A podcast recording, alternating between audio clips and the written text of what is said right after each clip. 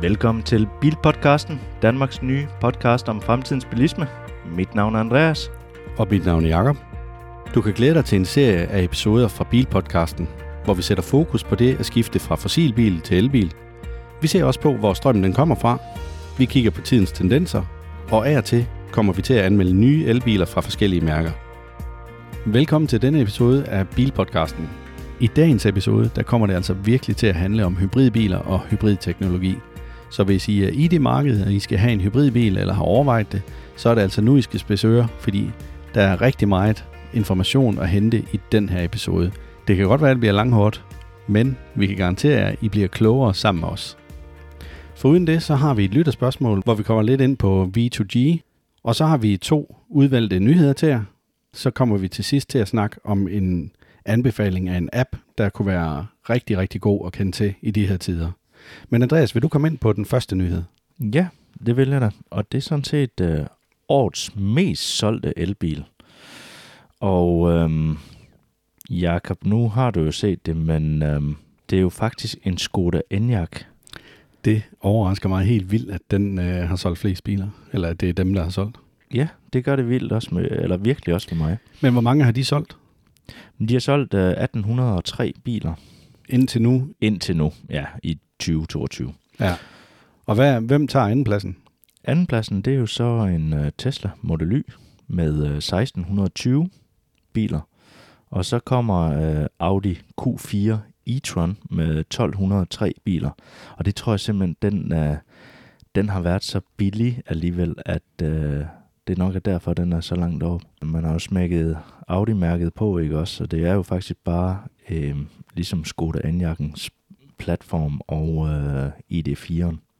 Men når man kigger på den bil i forhold til de to andre modeller der, så synes jeg jo, at den er væsentligt frækkere at se på end de andre. Ja, der er jeg jo mere over i Enyaq'en. Og det, og det giver ingen mening i mit hoved. Nej, Jamen det, det er derfor, vi, øh, vi er gode øh, til at vælge design på vores biler og sådan noget. ja, ja, det er jo altid det punkt, vi er lidt uenige i. Ja, det er jo det. Men øh, for at gå videre, så øh, Volkswagen ID4 med 1100 biler. Så har vi øh, Ford Mustang Mach-E. Ja, det er lidt sjovt, at du lige siger Ford Mustang Mach-E, fordi at den har vi jo rent faktisk øh, til pr- på prøve lige nu. Ja, Så vi er ved at, at danne os et øh, indtryk af, hvordan den kører, og hvad vi vil anbefale og ikke vil anbefale i forhold til lige netop den model. ja, og der går jo ikke andet end øh, En lille, ah, lidt over en måned, ikke? ja, over en måned, så, så kommer det afsnit ud. Vi har den her episode. Næste gang, der kommer vi til at anmelde Cupra Born, og så kommer Mark 1. Ja. Men den næste bil, det er så en Polestar 2 med 990 biler. Ved du hvad, det overrasker mig med Polestar 2, at den ligger helt dernede. Fordi jeg synes, jeg har set voldsomt mange af dem køre rundt, og jeg ved, at de ikke har haft helt de samme leveringsproblemer som nogle af de andre. Ja. Altså godt nok Ford, de har heller ikke haft problemer. Nej, altså, øh, jeg ved heller ikke helt, om, øh, om det... Ja, det ved jeg sgu ikke. Det jeg tænker, det er, fordi den ikke er så praktisk igen. Polestaren. Ja, det kan der være noget om. Yren, den er jo selvfølgelig praktisk, men de har da haft problemer med at levere. Jamen, hvis du kigger op på øh, praktiske biler, ikke også? Skodaen, Teslaen, Audi'en og Volkswagen, ID4'en der, ikke også? Ja, der kan være noget. Det, det er altså vildt praktiske biler. Ja, Så ja fordi at det, der kommer nedenunder Polestar, det er jo Volkswagens pendant til den. Og det er jo Volkswagen ID5'eren. Det kunne godt have noget at gøre med, at den er ny i år, så de ikke har nået at producere så mange af dem, tænker jeg. Ja, måske heller ikke helt lige så praktisk som øh, 4'eren, eller husker jeg forkert der? Nej, den har jo lige øh, den der bagende, der... Ja, lidt mere coupé. Ja. Ja. Den næste, det er så Volvo XC40. Ja, den ligger helt nede på 8. pladsen. Ja. Og den er jo, øh, den er jo lidt mindre også. Altså, Hvor mange biler har de solgt? det er 690 styks. Ja, og ID5'eren, det var 924, og Polestar 2 990. Så Ja. der er alligevel noget at springe op til de to andre. Det er der godt nok.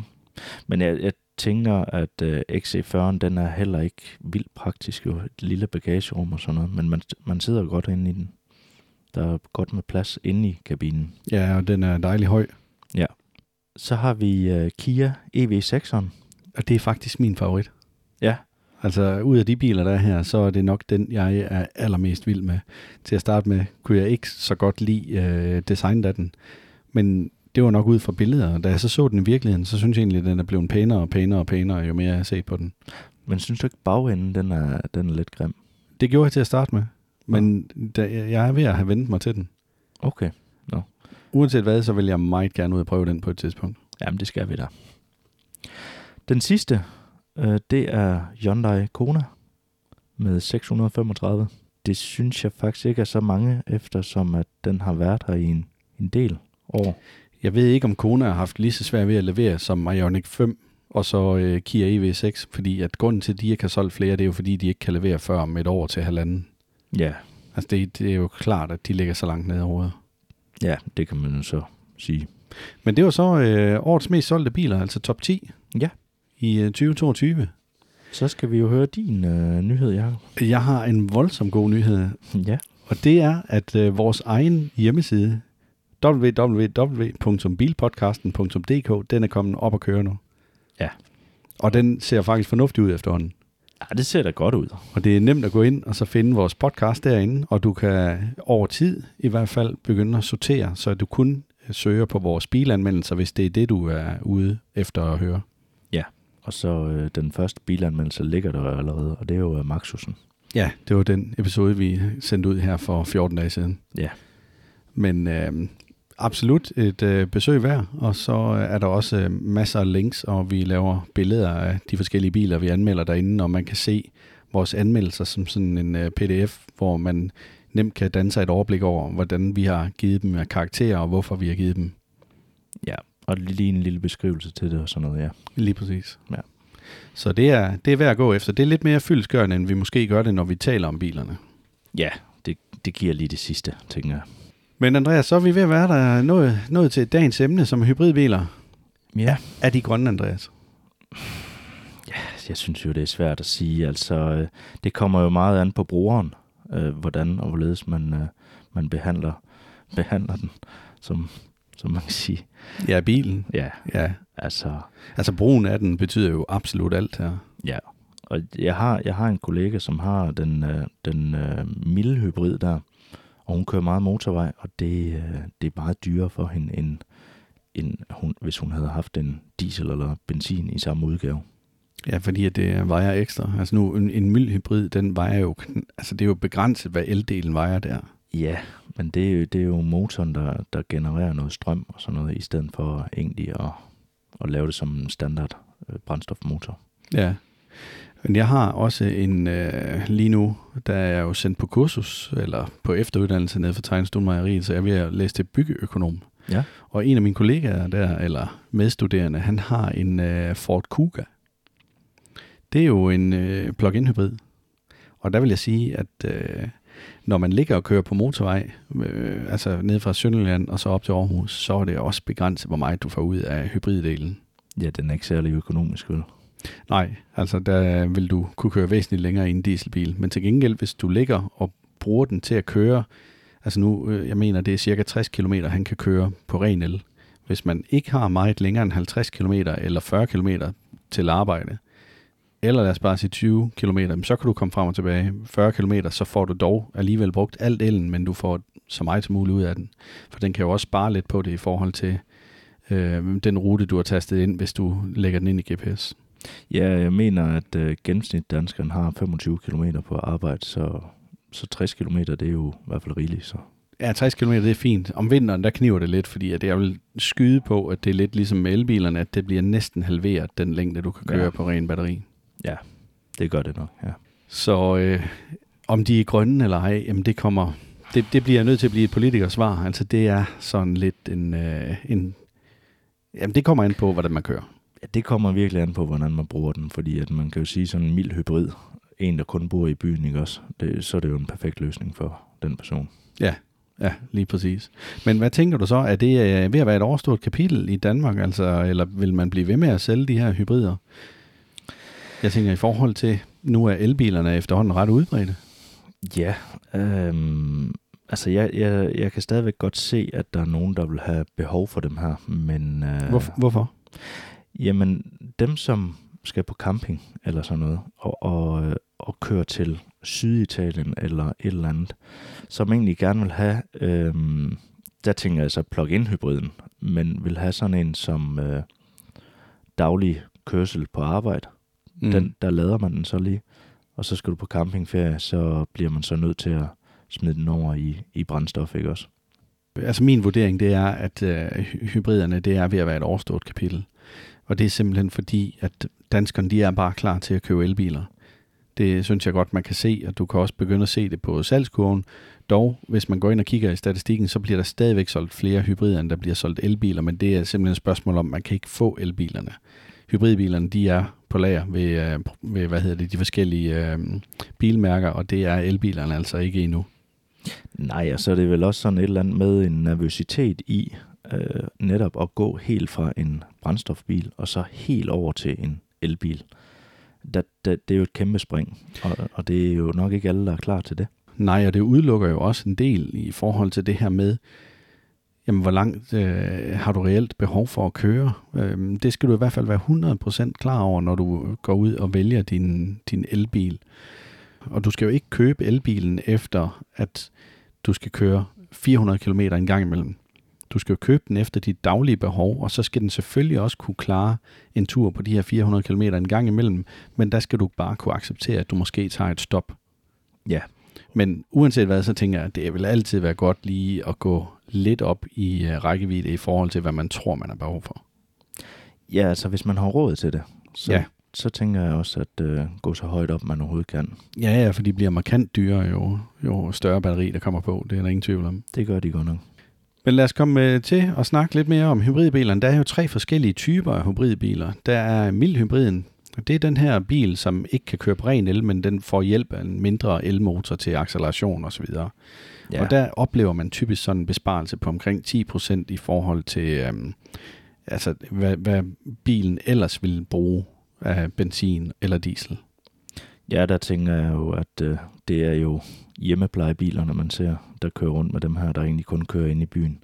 Og, og hvis du kun kører ind i byen, så, så synes jeg egentlig, det er en okay fin, fin bil, øh, hvis man ikke har mulighed for at lade jo. Altså, fordi ellers vil jeg jo sige, mm, så en elbil, ikke? Der lød du faktisk næsten ligesom øh, Jan Lang fra, ja. fra Jyllandspostens øh, bilpodcast. Fordi han stempler også tingene som en fin bil. så øh, ja. ja, og så har vi så den klassiske hybrid. Det er øh, en bil, der har et stort nok batteri og en stor nok motor til, at den rent faktisk kan køre på ren el.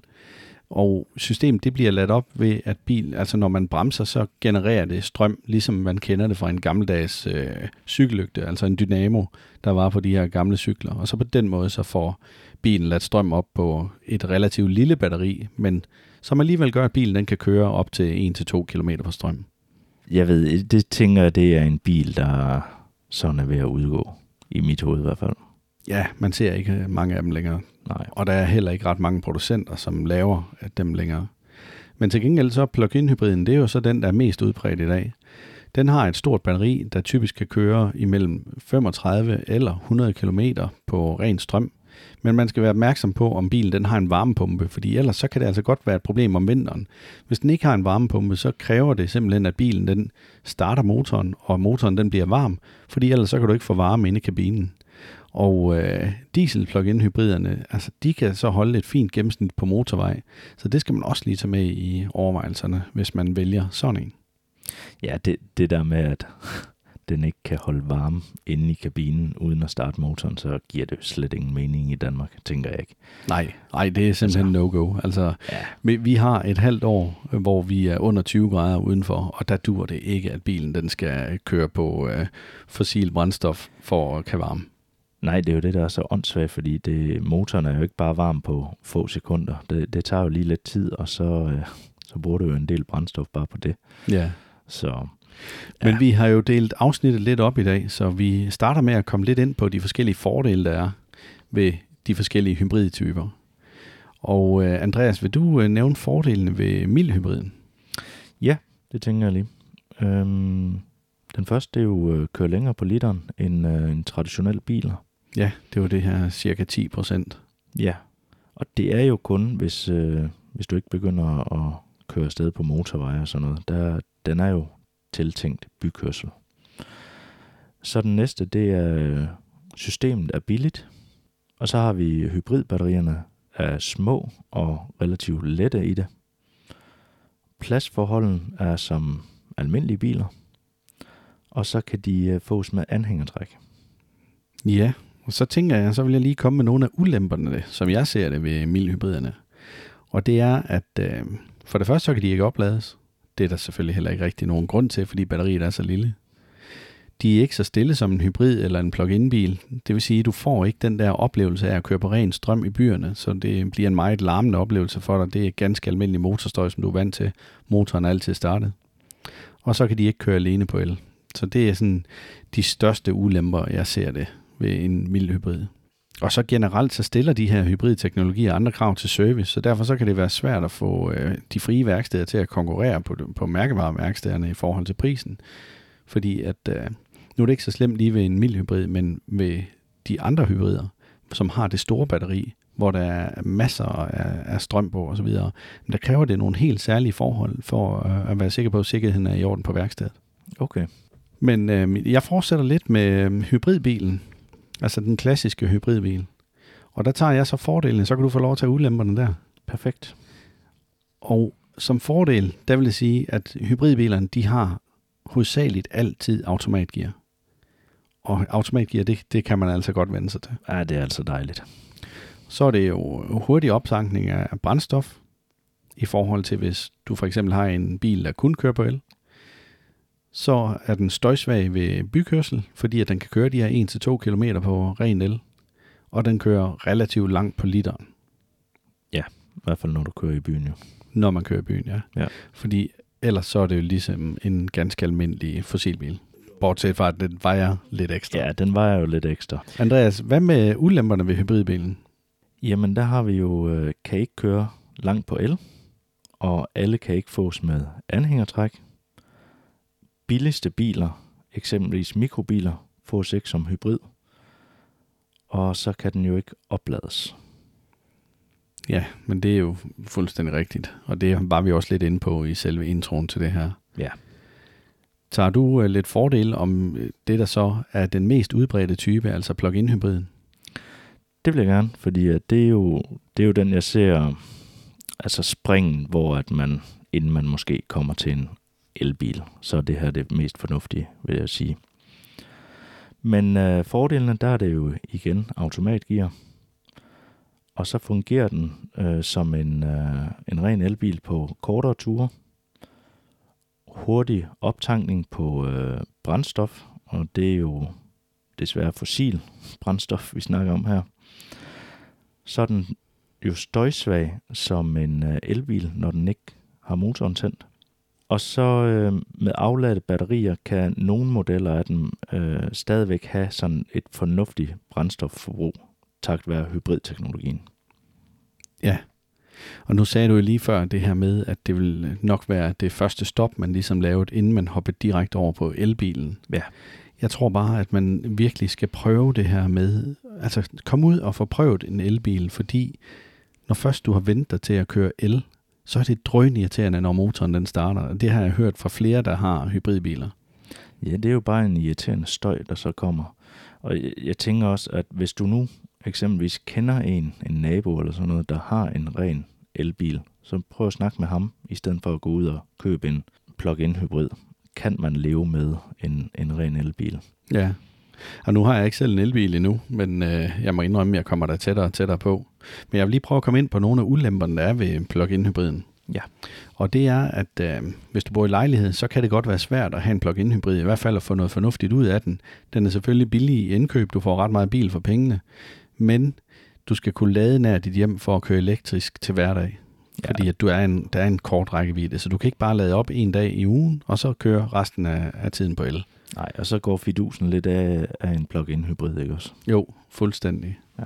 Og så er det igen det her med, at altså man skal være opmærksom på, om, øh, om den er med elektrisk øh, opvarmning, eller om den rent faktisk skal have startet motoren for at varme kabinen op, når det er koldt.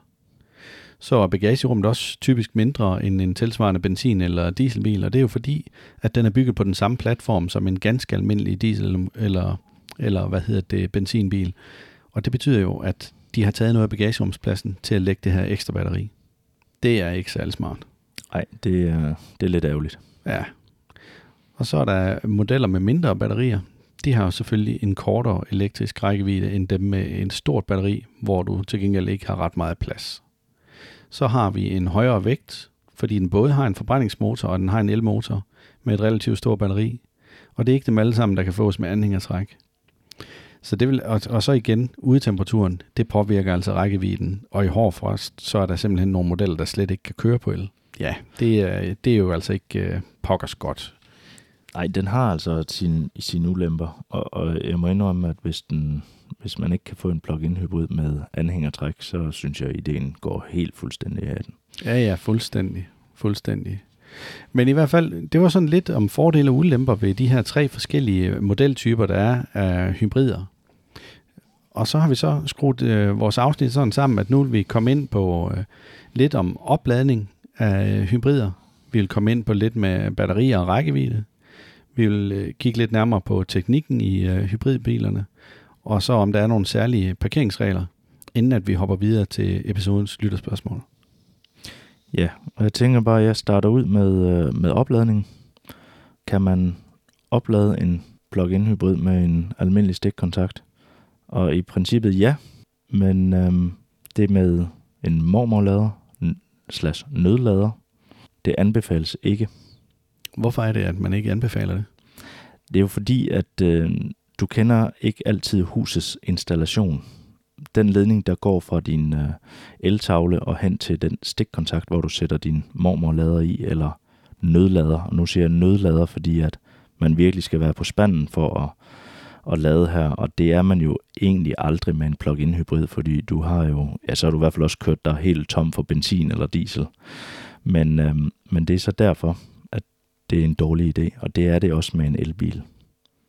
Ja, er der ikke også noget med, at man skal være opmærksom på, om der er jord i stikket, at man tilslutter den? Jo, og, og de fleste, de vil slet ikke starte med at lade, hvis, der ikke, hvis de ikke har jord på, Nej. i stikket. Så Og det er simpelthen for farligt med den mængde strøm, der skal igennem der. ja, lige præcis. Men Jacob, hvor lang tid skal en uh, plug-in hybrid så lade? Jamen det kommer jo lidt an på, hvad for en bil, at man har, og hvad for en installation, man har. Og så igen, hvad er udtemperaturen? Ja. Altså i, ifølge bilfabrikkerne, så anføres ladetiderne på mellem øh, 2 og 4 timer. Altså det vil sige, hvis du lader op på en ladestander eller en hjemmelader. Altså det, det er den ladetid, der er beregnet ud for de optimale forhold. Men, men opladning er også afhængig af udtemperaturen og batterikapaciteten, så, så det er jo umuligt at sige øh, fuldstændig fast.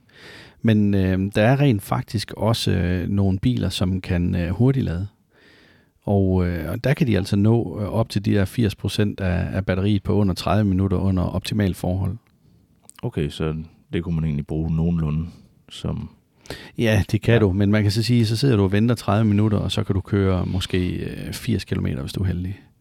På Ja, de helt store, altså det er jo en virkelig, virkelig dyr bil, der kan køre øh, 100 km på sådan en plug-in øh, hybrid batteri der. Ja, Så hvor meget, øh, at man lige skal gøre det, det ved jeg ikke rigtigt. Altså jeg, sy- jeg synes ikke, det er relevant. nej, ikke rigtigt. Men øh, Andreas, er der, øh, kan man risikere at lade for hurtigt eller for langsomt på en øh, plug-in hybrid? Nej, altså bilens øh, batterimanagementsystem, øh, altså det sørger for, at øh, der sker den korrekte opladning. Og det er uanset om du lader øh, langsomt eller hurtigt. Altså her tænker vi AC-ladning eller DC-ladning. Og det betyder eksempelvis, at du øh, sagtens kan bruge en øh, 100 kW hurtig lader, selvom din bil kun kan lade med 50 kW. Så Ja, jeg kunne forestille mig, at der nok måske kan være lidt øh, elbils racisme ude i det danske land, sådan i forhold til, hvis du kommer i en plug-in hybrid, og så kører hen til en ladestander med en hurtig lader. Jamen det er jo sådan lidt, øh, især ude øh, i Vestjylland, hvor der ikke er så mange, ikke også, så, så kan man godt irritere sig meget over, at, at der holder en, der faktisk kan køre videre på, på brændstof, men man kommer i sin elbil og kan ikke komme nogen steder. Men igen, så har de jo lov og ret til at holde og lade der. Ja. Altså, Ja. så Og det, det er jo sådan noget, som vil blive forbedret, jo, jo, altså, jo flere ladestander, der kommer op rundt omkring i bybilledet. det er klart, men, men også at, øh, at man nok overgår mere og mere til elbilen i stedet for plug-in hybrid. Jeg synes faktisk også, jeg, og jeg tror også, at de fleste plug-in øh, hybridbils ejere, de rent faktisk har en ladestader derhjemme, fordi jeg synes ikke, jeg ser det ret tit. Altså jeg har ikke oplevet det endnu, at der har holdt en plug-in hybrid og ladet, der hvor jeg har lavet op. Nej, jeg, jeg ved heller ikke, altså jeg har set det nogle gange, men, men jeg ved ikke, om, om de måske er trætte af at høre på, øh, øh, hvad hedder det, elbilisternes øh, træls kommentar, når de kommer og ikke kan komme videre. Ja, det tænker jeg. Det tænker ja. jeg. Men uh, Andreas, nu nævnte du lige AC og DC-ladning, så uh, jeg kan så fortælle, at AC-ladning, det er den hyppigste ladning. Og det er den type ladning, som man altid har på en hjemmeladeboks, som bliver leveret øh, med bilen, eller som du sætter op derhjemme. Og når du lader på en offentlig standard, så er der typisk også mulighed for at vælge en AC-ladning, med mindre det er en hurtig lader og vekselstrømmen fra AC-ladning, det konverteres til jævnstrøm til bilens lader, inden at strømmen den, øh, faktisk bliver lagt over på det der højvoldsbatteri, som bilen bliver drevet fremad. AC-ladning, det går typisk op til maks 43 kWh. Ja. Hvordan er det så med DC-ladning, Andreas? Hvad er forskellen her? Jamen DC-ladning, det er jo det, der er hurtigere end øh, 43 kW. Øhm, så det er, altså hurtig ladning, det er fra 50 til 99 kW ladning. Lynlader, det er så det, man har fra 100 kW og bare op efter. Jamen okay, så fik vi lige styr på øh, i hvert fald, hvornår det deler mellem hurtige lader og lynlader. Men øh, Andreas, batterierne i de her plug-in hybrider, skal de lades op jævnligt, eller hvordan er det med dem? Man skal bare følge øh, producentens anvisninger på det, og så gøre, som de siger egentlig. Andreas, skader det, hvis man ikke lader batteriet til en plug-in hybrid helt op? Nej, batteriet det tager ikke skade, og det tager heller ikke skade af, at man chatlader det. Ligesom man gør på sin telefon, også når man lige skal have lidt ekstra på. Ja. Øh, og de har jo altså, øh, batterier, de har det faktisk allerbedst på, hvis de ligger på 50%. Fordi så, øh, så kan man, hvis man kan, hvis du skal spænde i kroppen hele tiden, ikke også? Det er det, et batteri gør, når det ligger på enten 0% eller 100%. Og derfor har bilproducenterne så lagt en lille marken ind, sådan at de ikke når ned på 0% eller helt op på 100%. Det er da utroligt så klogt, du lyder, Andreas, fordi at det her, det stod slet ikke i vores manus. Nej. Men altså, det ved jeg. Alt det viden, der bare kommer ud af dig lige nu, det er da utroligt. Det bliver vores lyttere glade for. Ja, det håber jeg da. Nå, men nu har vi snakket uh, lidt om batterier, så kan vi lige så gå lidt videre med batterier og rækkevidde. Altså, der er to batterier i hybrider og elbiler. Bilerne de har et 12 volts batteri, som er til de traditionelle eldele, og så kend, øh, altså, som man kender fra alle mulige andre biler. Og det her 12 volts batteri, det får strøm fra sådan en DC til DC konverter. 12 volts batteriet i hybridbilen bruges også til at tilkoble det her højvolts batteri, og det er derfor vigtigt, at der er strøm på, på batteriet, for ellers så kan du simpelthen ikke køre nogen steder. Når du kører rundt i din øh, plug-in hybrid, så skal du passe på med at øh, hjælpe andre folk med at starte, altså med at jumpstarte deres biler. Fordi det kan altså godt øh, forsage nogle skader, både på den anden bil, men også på din egen bil. Derudover så er der et øh, 48-400 volts batteri, alt efter hvad for en bil du har, øh, som driver alle de her hybridkomponenter. Og det er det, man kalder for hybridbatteriet eller højvoldsbatteriet. De to batterier de kan godt være integreret i én enhed, hvor man har mulighed for at udskifte eller frakoble noget separat. Altså det vil sige, at du behøver ikke at skifte hele batteripakken, bare fordi der er noget af det, der går i stykker. Lidt ligesom man kender det fra de fleste elbiler. Går der noget i stykker på batteriet, eller er der nogle celler, der falder sammen, så kan du godt skifte noget af det. Ja, det er bare ikke alle, der gør det lige nemt, som man kan. Nej, det er rigtigt. Det... Og, og det, um, igen, der er det måske smart lige at tage fat i sit lokale værksted, eller ved, ved den forhandler af det bilmærke, man ønsker at købe, og så høre, hvordan er det lige, hvis der sker noget med batteriet, hvordan får man det skiftet. Heldigvis så er der jo en rigtig, rigtig god garanti på de fleste nye elbilers batterier.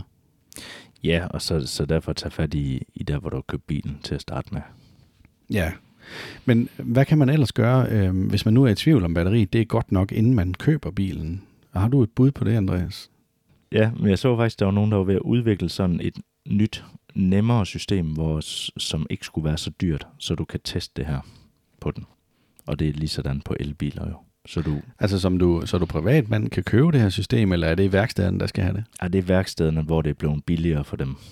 Ja, okay. Ja, ja fordi ellers så er det FDM, man kører til, eller også så øh, den, øh, et, det, et mærkevareværksted, som nu yeah. forhandler bilen, ikke? Jo. Så, men det er, det er da lidt svært, det der i hvert fald. Men altså, det er i hvert fald en god idé at kende øh, batteriets tilstand, inden at man køber eller eventuelt sælger ens øh, plug-in hybrid. Det er helt sikkert.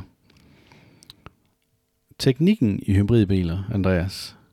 Hvad for en gearkasse er der typisk i hybridbiler? Øh, stort set så øh, alle hybrid- og plug-in hybrider øh, har automatisk gearkasse.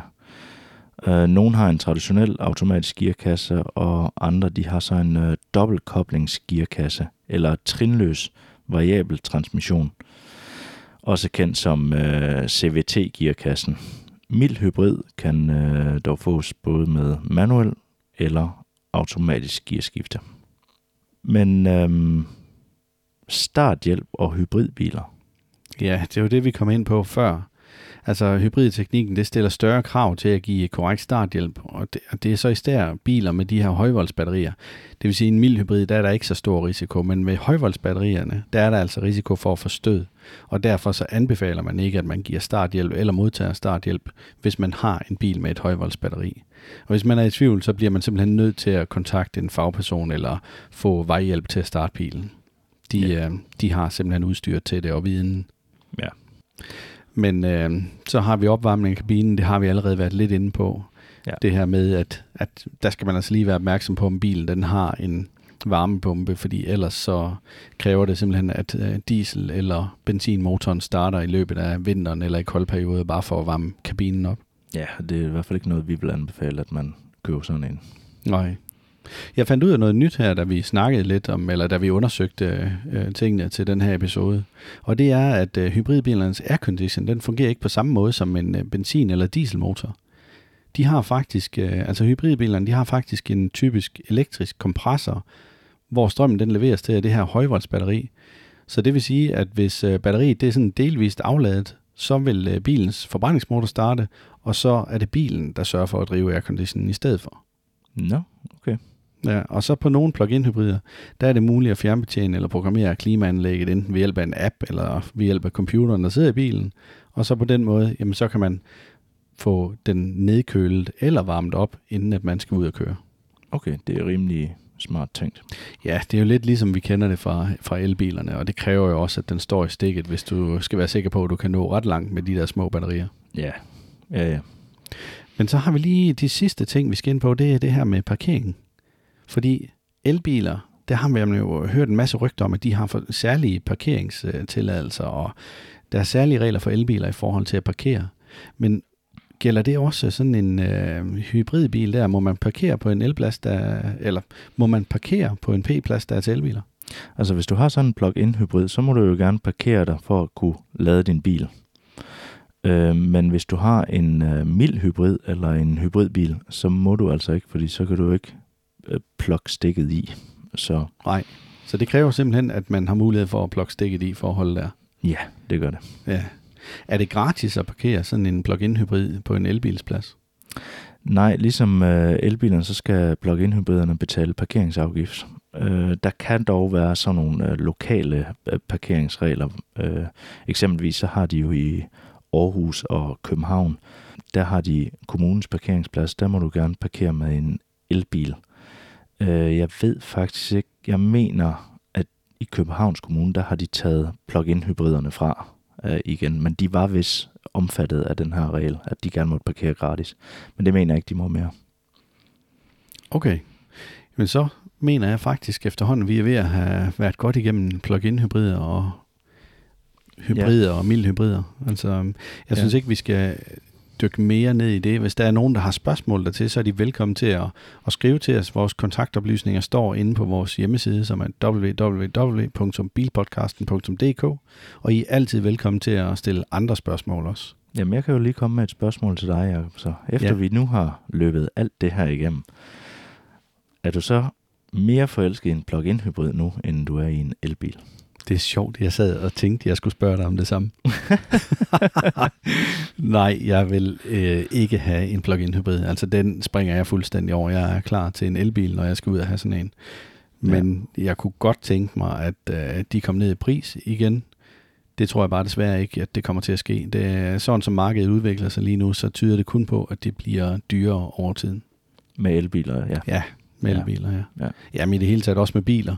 Jeg, jeg tror simpelthen, at øh, der er så mange forskellige øh, produktionsvirksomheder, som er blevet nødt til at skrue op for prisen, både på grund af, af gaspriserne og, og, og så videre, der er sten, så selvfølgelig så smitter det også af på øh, produktionen af biler og elbiler. Ja, og det er jo lidt sjovt, fordi at øh, vi har jo snakket sammen, øh, hvor du har haft øh, de her lånebiler, vi har, hvor du så har haft dem og kørt i dem, og så har du holdt i kø for at skulle lade, ikke også? Og alligevel så vil du stadigvæk gerne have en elbil, og ikke en plug-in. At det er helt klart, at der vil jeg være rigtig, rigtig glad for, at jeg kommer ud til en opladet bil om morgenen, i stedet for lige nu, hvor jeg skal ud og finde et sted at lade øh, sent om aftenen, sådan at jeg har fuld strøm på til dagen efter, så jeg kan lave den her test, som vi laver, hvor vi kører langt. Øhm, fordi det er jo drøn irriterende og, og skal sørge for, at den logistik, den også er i orden. Ja. Der vil det bare være rart, at, at den er lavet op, når du kommer ud. Plus, det er jo dyrt at komme ud og så lade op ude ved automaterne. Der er det noget billigere, den strøm, du kan tabe om natten. Så for mit vedkommende, når jeg- skal fylde strøm på til 6 kroner per øh, kilowatt-time, jamen så går det ikke at køre elbil. Altså det kræver simpelthen, at jeg kan lade hjemme, eller jeg havde et abonnement øh, og så en løsning, sådan at jeg kunne lade ude i byen for en lavere takst. Det er jo super god feedback, du kan give på det nu her, for, fordi du netop får oplevelsen af, hvor, hvor træls det også kan være. Ja, jeg har selv prøvet det på egen krop, og jeg vil sige, at øh, ved to af elbilerne, der var jeg låst til Clever, og det betød jo, at jeg øh, kun kunne vælge Clever, og det passede med, at jeg kom tilbage ned igennem Jylland og skulle ind i Herning og lade, og der er to hurtigladere til Clever i hele Herning by. Og det, det ene sted, der, der kan du kun holde én bil ved selve automaten, og så er der to andre små AC-ladere, hvor du så kan køre ind og så holde ved siden af, men så holder du så i kø til hurtigladeren. Det, altså, jeg var virkelig ud af mit gode skin. Og så, det var selvfølgelig en hollænder, der holdt der. Den ene gang, som var gået væk fra bilen. Så jeg, jeg anede ikke, hvornår han kom tilbage. Og den skulle jeg selvfølgelig op på 100%, så det tog enormt lang tid. Så Ja. holder man altså og venter en time. Det bliver man altså lidt frustreret over, når man har 8% tilbage og ikke rigtig kan komme nogen steder. Ja, og så kan du heller ikke gå nogen steder, for du skal jo stadigvæk sidde der og holde øje med, hvornår han kommer tilbage. Ja, altså, præcis. Ja, ellers så skal du jo gå væk i 19 timer, som den nu tog, om at lade op på den der Ja, det var- lader. Ja, det var den ene af bilerne, ja. ja. Det var Maxusen. Ja. Men Andreas, vi har fået et lytterspørgsmål. Og den her gang, der er et lytterspørgsmål fra Allan Mølsted. Og han skriver, Hej Andreas, jeg har med stor interesse lyttet til alle jeres podcast. Jeg kan høre, du er nørden, sådan i anførselstegn. Og derfor så har jeg et spørgsmål til dig. Hvilke biler får V2G, altså Vehicle to Grid, og får Tesla Vehicle to Grid? Og Andreas, jeg tænker, at du skal starte med at forklare, hvad er Vehicle to Grid for noget?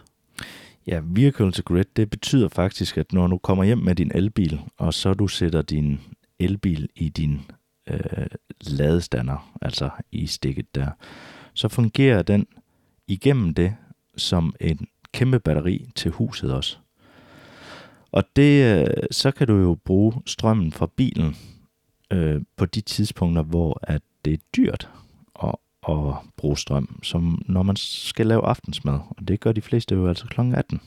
Ja, så det vil sige, hvis du tanker din bil fuldt op om natten, hvor lad os sige, den koster 2 kroner. Mm. Dagen efter, om aftenen til aftensmad, der koster den 4 kroner. Du kommer hjem med et halvt batteri, så Ja. kan du lige uh, lave aftensmad på bilens uh, strøm, og så fylder du på igen, når det er billigt om natten. Ja. Og så har du faktisk dobbelt op på besparelse. Ikke nok med, at du har besparelse på, når du kører, men du har også på din daglige strømforbrug, eller dit daglige strømforbrug. Ja. Det er eddermame smart. Ja, og det er jo faktisk det, man snakker om, at det måske kan løse de udfordringer, vi er i med vedvarende energi. Fordi det, det er jo ikke hele tiden solen den skinner, og det er jo ikke hele tiden øh, det blæser.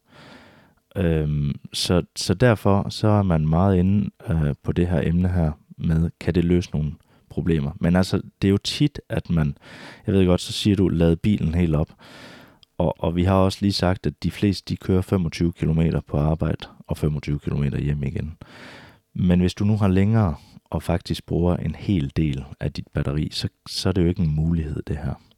Det vil give nogle udfordringer, hvis man Ja. regner med at bruge det på den måde.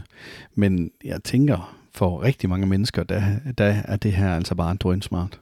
Ja. Altså jeg håber virkelig, der kommer mange biler. Men det er jo det næste spørgsmål, det er jo, øh, altså får Tesla vehicle to grid? Altså det, øh, det, det kan man jo aldrig vide helt 100, men, men jeg tror simpelthen ikke på det, fordi at Tesla de har jo deres egen batteribank, som de sælger til øh, huset. Øh, og de sælger også solcellepaneler, som er integreret som øh, en del af taget. Så jeg tror ikke på, at de lige pludselig vælger at sige, nu kan alle deres biler gøre det her, fordi de, så vil de jo ødelægge deres nuværende øh, forretningsorden. Altså jeg vil jo sige, at det her, det, er, det vil jo være et enormt godt salgsargument for i hvert fald andre biler. Og især hvis Tesla de ikke gør det, så har de jo lige pludselig noget, de kan tilbyde, hvor de rent faktisk kan mere end Tesla, som jo ellers er tech-giganten. Ja, altså jeg, jeg tænker også, at uh, om, om man kan være så heldig, at Tesla faktisk bliver presset ud i at skulle gøre det her for deres uh, kunder. Øhm, altså, ja. ja, bilkunder. Og det giver jo god mening, fordi det er jo faktisk ikke ret meget strøm. Altså, lad os nu bare sige, at du kører rundt med et bilbatteri på 60 kWh. Ja. Altså de fleste solcelleanlæg, hvis du køber en batteribank til dem, så er der kun et 6 kW anlæg med, altså et, eller et 6 kW batteri med. Og det siger man jo normalt, det er nok til, hvis du lader det op, så har du rigeligt med strøm til hele natten. Altså til, til øh, husforbrug, almindelig husforbrug. Ja. Så det er jo ikke ret meget strøm, der ryger fra bilens batteri, når du bruger det der om aftenen i de dyre timer. Nej, altså så længe du ikke bruger øh, strøm som din varmekilde i huset, så, så er det jo rigeligt med et 6 kW batteri. Ja, ja, det er klart. Så ville det jo være anderledes, hvis, hvis man gjorde det. Ja. Men øhm, han spurgte jo også til, hvad for nogle biler får Vehicle to Grid? Og der er jeg da spændt på at høre din udtømmende liste der, Andreas. Jamen, det er godt nok. ja, det har været lidt, øh, lidt svært at finde ud af, af lige præcis. Jeg havde jo egentlig håbet på, at man kunne se sådan en liste over alle biler, der havde det her. Men, men det har været ekstremt svært at finde ud af. Ja, det er jo træls, at vi har sådan en podcast, og så får vi hjemmearbejde for. Ja, det er godt nok ikke rart. Så. Men du har været i gang, Andreas, så du har været ja, Jeg har været lidt i gang. Øhm, og øh, til næste år, så øh, siger VV-koncernen, at øh, alle deres biler, de kommer med øh, Vehicle to Grid. Og det er jo så øh, både øh, Audi, Skoda og VV og ja, jeg kan ikke lige huske, om der er flere i den gruppe der. Den er ret stor. Ja, jeg ved ikke, om Porsche de får det. Jo, det, de skriver i hvert fald det hele koncernen. Ja, okay, men så, så må de jo også... Øh, ja, det ja. tænker jeg. Men Nissan Leaf 2 har faktisk også øh, Vehicle to Grid. Andreas, nu siger du Leaf 2. Jeg mener ikke, at Nissan har lavet noget, der hedder en Leaf 2. Nej, det er bare den faceliftede, den nyeste version af den. Så det er derfor, jeg siger 2. Ja, okay, fordi den første, den har det ikke. Nej. Ja, okay. Hvad med Aria, deres nye model? Vi har brugt noget tid på at søge på den, men til synlædende, så ser det ikke ud til, at det kommer på den, og det er mærkeligt. Ja, det er faktisk mærkeligt, fordi at Nissan var jo lige netop first movers på det her. Ja, Nissan var jo first mover, og deres varebil har faktisk været med i et testprojekt ved uh, Hillerød Forsyning, med ja. netop det her med uh, Vehicle to Grid. Kan jeg vide, om det er fordi, at Nissan de selv begynder at lave batterier til hjemmet? Ja. det kunne man jo godt... Øh... Ja, det kunne man jo godt tænke. Så... Nej, det håber jeg ikke. Jeg håber virkelig ikke, det er derfor, fordi at det er der vejen frem. Ja, det tænker jeg da også. Altså, øh, det, det eneste er jo bare, hvis man ikke lige øh, er nok hjemme, så, ja. øh, så kan det jo være svært. Ja, men, øh, men, men ja, i forhold til at trække strømmen ud af den, men de fleste ja. mennesker kommer dog trods alt hjem til aftensmad. Ja, men hvis du så har solceller på, øh, på taget, ikke også, og du så kører på arbejde, så producerer de en masse strøm, men du er ikke hjemme til at få det ind på dine batterier i bilen. Ej, det ved jeg godt. Hvis du fuldstændig udelukker at have et batteri derhjemme til dine solceller, så bliver det jo, enten skal du være heldig at være på den gamle ordning, så du kan smide det ind på nettet og få noget ud af det på den måde, ja. eller også så, det, så det, bliver det mere eller mindre spildt, altså fordi du får ikke det samme tilbage, som du egentlig øh, giver for strømmen, når du skal købe den af elnetværket. Nej, det er jo det. Men fordelen det er jo så stadigvæk, altså det, det er jo stadigvæk smart, at bilen har det, fordi du kan købe strømmen billigt.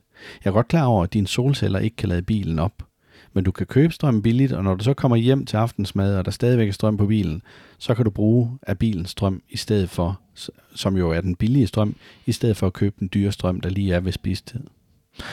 Ja, og det er jo især her om vinteren, der er jo også ekstra transportafgift på, på den strøm. Så det giver jo mening, altså hvis man i hvert fald har nok til det. Ja, Så- ja helt sikkert. Ja. Helt sikkert. Men øh, den sidste bil, jeg lige vil nævne med, med det her, det var jo det var sådan set fordi, at det er nok ikke en bil, vi kommer til at se så meget i Danmark, men øh, Fords F-150 Lightning, den, den er ret vild. Altså, den har også vehicle to grid her, og så udover det, så har den jo ekstremt mange øh, stik, man bare kan trække ud af bilen. Og det, det er jo så vehicle to load, som betyder, at man, man kan trække altså strømmen ud igennem et almindeligt stik. Ja, så der sidder simpelthen en omformer i bilen, som konverterer det til, havde det været i Europa, så havde det været til øh, 230 volts udtag. Ja, det Ja. er det. Det kender vi jo faktisk også fra øh, Kia EV6 og så Ioniq 5. Ja. Og i deres salgsmateriale, der står der, at de har vehicle to load. Men vi har været inde og undersøge det nærmere. Ja. Og det viser sig jo rent faktisk, at de også har vehicle to grid. Ja, og det er lidt underligt ikke uh, reklamere mere med det i hvert fald. Ja, det synes jeg, fordi det er et kæmpe salgsargument. Ja, det må man sige.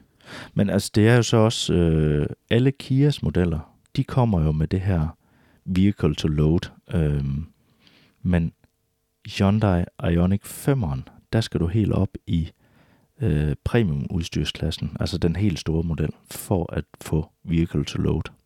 Okay, jeg troede faktisk, at alle sammen de havde der. Nej, der er i hvert fald ikke, øh, jeg tror ikke, at du, øh, hvad hedder det, skal hvad, købe stikket. Altså det, det er jo det stik, der er med, og det tror jeg ikke, du kan købe til de biler. Jamen Andreas, så synes jeg egentlig, at vi fik øh, svaret rimelig godt i forhold til spørgsmålet fra Allan Mølsted. Og jeg tænker, hvis han har yderligere, så må han endelig kontakte os igen. Ja, jeg beklager lidt, at jeg ikke lige kunne øh, få den 100% liste, men nu var der i hvert fald nogle biler at tage hul på her. Om ikke andet, så ved man, hvad der kommer.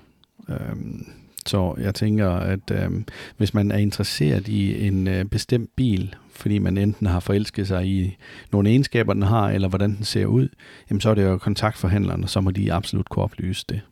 Ja, og så er det jo et spørgsmål, hvornår at vi ligesom i Danmark får det rullet ud ordentligt.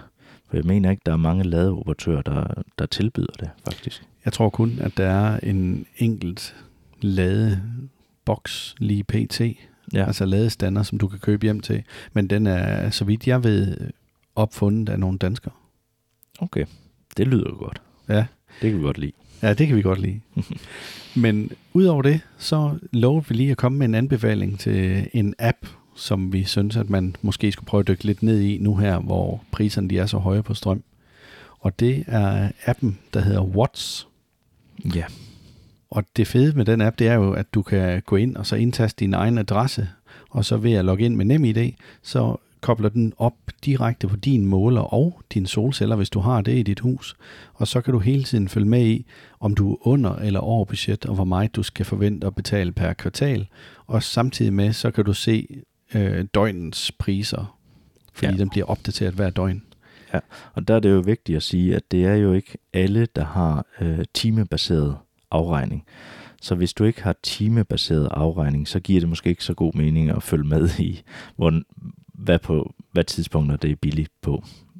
Nej, det er rigtigt. Det har du da sådan set ret i. ja, der, Men, der er mange, der er gået i den fælde her, her på det sidste, at de virkelig har prøvet at spare i de rigtige øh, tidspunkter, og så har de faktisk haft fast pris i tre måneder eller seks måneder eller sådan noget, ikke også? Ja, og der er jo flere indstillingsmuligheder der i den app der, så du kan både se, om du er foran eller, eller bagud, eller så ud over eller under dit budget i kroner og øre, men også i watt. Så det er jo lidt sjovt, at man lige kan lave den indstilling der. Og så det, jeg er vild med, det er, at jeg ikke længere skal åbne to apps for at se, jamen hvad producerer jeg i, i strøm øh, fra mine solceller, men jeg kan nøjes med at åbne den her ene app, og så har jeg både mit forbrug og hvad jeg producerer.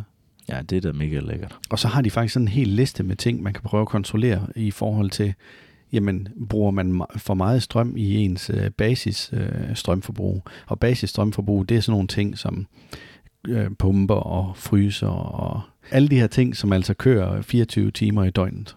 Man skal lige være ops på, at den person, der har oprettet sig ved elselskabet, det er også den person, der skal logge ind med nem ID her. Fordi ellers virker appen ikke. Altså det er ikke husstandsbaseret. Det er simpelthen personen, der har oprettet sig. Det giver god mening, fordi så er det derfor, at min bedre halvdel, hun ikke kunne øh, logge ind og så se det. Så Ja. ja. der kan man så gøre det, at øh, man lige øh, installerer appen, hvis man bare vil bruge det til timebaseret. Så kan hun jo stadigvæk se det ved at bare trykke tilbage. Man behøves ikke at logge ind på den her app, men så har man time, timebaseret. Ikke? Jamen Andreas, så synes jeg faktisk, vi er ved at have en god episode efterhånden til vores lyttere. Ja, det må vi jo håbe. Jeg håber, at I er glade for at øh, høre bilpodcasten og fortælle det endelig til jeres venner og bekendte, sådan at de også kan komme ind og så øh, høre, hvad det er, at øh, vi går og roder med, og de anbefalinger, vi har til jer som lyttere, men så sandelig også de erfaringer, vi selv får på egen krop. Ja, og så tjek endelig vores nye øh, website ud. Ja, det vil være altid. Og næste gang, så kommer det så til at handle om anmeldelsen af den elektriske Cooper Born. Det bliver fedt. Vi håber, du er blevet klogere på, om du vil købe en plug-in hybrid, eller du vil tage hele springen over til en elbil. Tak for i dag. Tak fordi du lyttede med. Gå ikke glip af næste episode. Tryk på følg eller abonner. Stil eventuelt et spørgsmål på vores Facebook-side, Bilpodcasten. Og så snupper vi en af de spørgsmål i et senere afsnit. Indtil da, ha' det godt derude.